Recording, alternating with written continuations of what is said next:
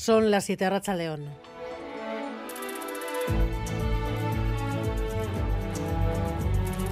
Gambara con Arancha García.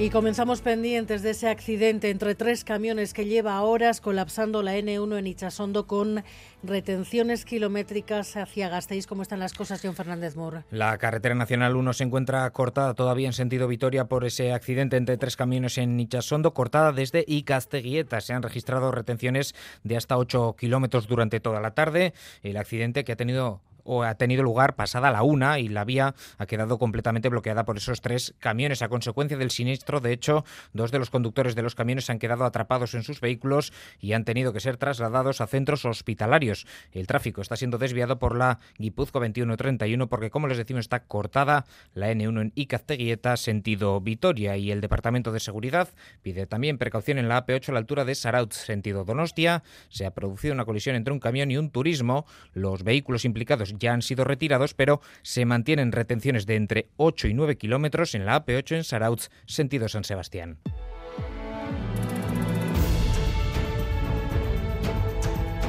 Mañana 300 centros de Cristau Escola comienzan una nueva tanda de paros de tres días, a no ser que la reunión que se está celebrando a estas horas en el CRL termine con acuerdo y sirva para desconvocar la huelga. Cristau Escola convocada a los sindicatos esta tarde. Las familias antes en un comunicado habían pedido a los sindicatos que sean conscientes del impacto social que están generando. Ya lo pedimos, exigimos directamente que si están negociando que acaben con la huelga, que paren la huelga, ¿vale? Que mientras haya periodo de negociación se pare la huelga. Que dejen de tener a nuestros hijos como renes de esta situación, porque los, es una situación en la que nos han puesto con renes. Los datos preocupantes de los nacimientos en Euskadi cada vez son menos. El último trimestre del año el índice bajó un 1,6% y ya veníamos de datos muy bajos. Tampoco la población inmigrante tira ya hacia arriba de la natalidad.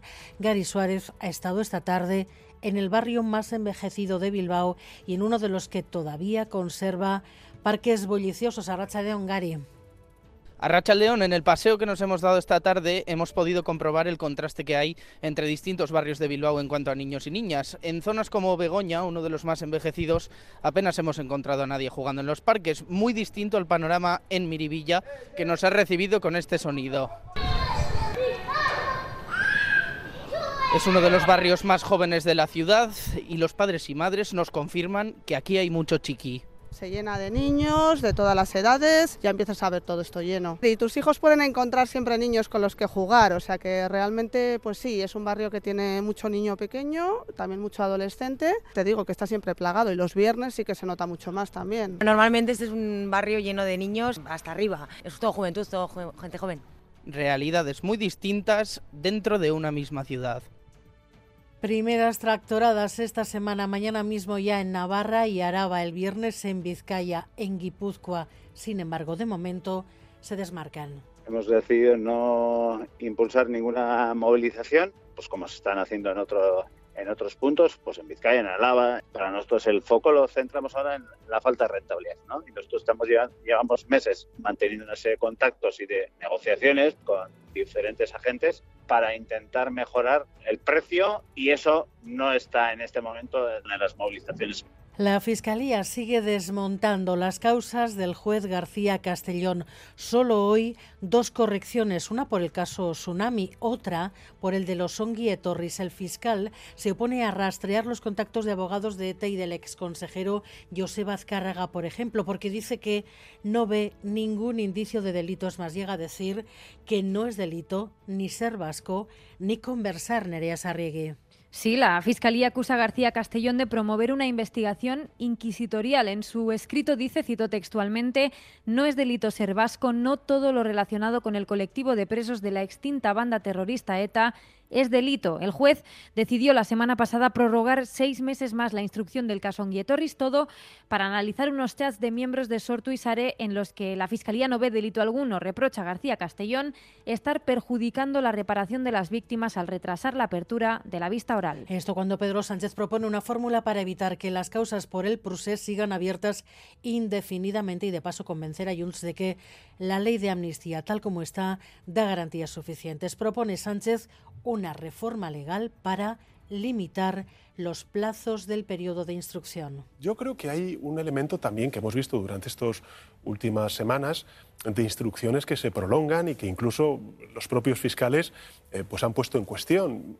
Yo creo que son elementos que además se encardinan perfectamente en una reforma que, hemos convalidado en, en, estos reales decretos leyes de hace unas semanas en el Congreso de los Diputados y es el de la eficiencia de la justicia. Y en la precampaña vasca el aviso del candidato del PP Javier de Andrés de que no volverá a dar apoyo gratis para evitar que gobierne EH Bildu. Lo de las elecciones de mayo, después de las elecciones de mayo, en Guipúzcoa y Gasteiz, no se va a volver a repetir.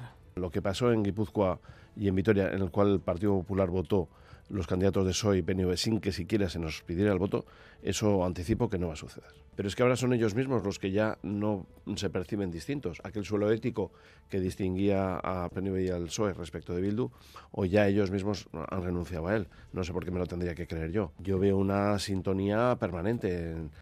A las 8 estará aquí en Gambara el secretario general del PS y candidato socialista en Ecuandueza y los deportes, Edu García, Rachaldeón. Ahora estaremos mirando la Copa, evidentemente, ¿no? Y a lo que nos viene por delante en esta semana espectacular con los duelos de ida de las semifinales para Real y para Athletic. Abre sesión el conjunto de Nostierra mañana ante el Mallorca un conjunto que en la liga está peleando por tener un final de temporada tranquilo y evitarse problemas en la pelea por el descenso, pero que en Copa lleva una buena trayectoria. Viene de eliminar, de hecho, al Girona, al que hasta hace muy poco ha sido el líder de la, primera división. En la Real no va a estar seguro Odriozola, sí van a estar eh, Cubo y Traoré, recién llegados, uno de la Copa de Asia, otro de la Copa de África.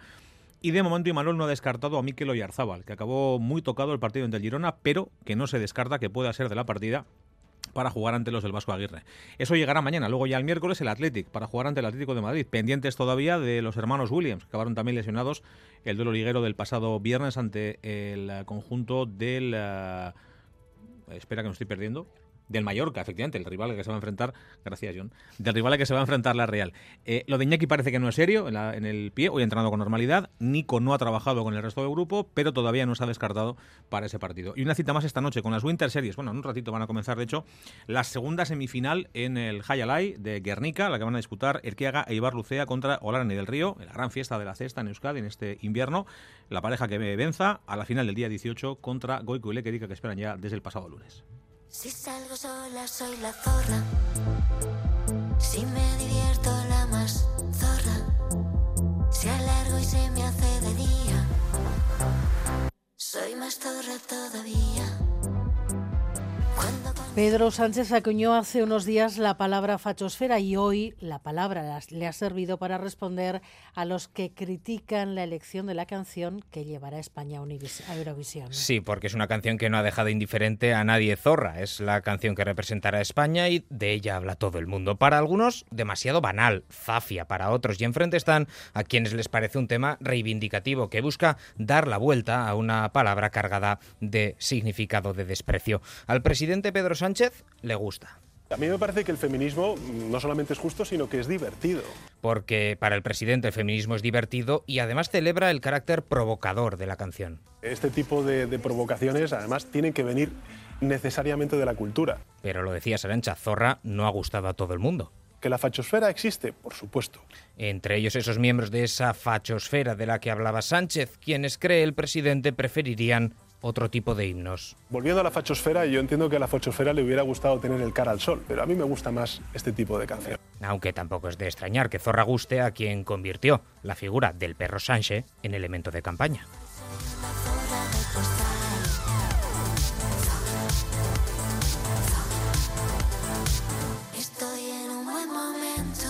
Miguel Ortez y Javi Martín están en la dirección técnica, Cristina Vázquez en la producción.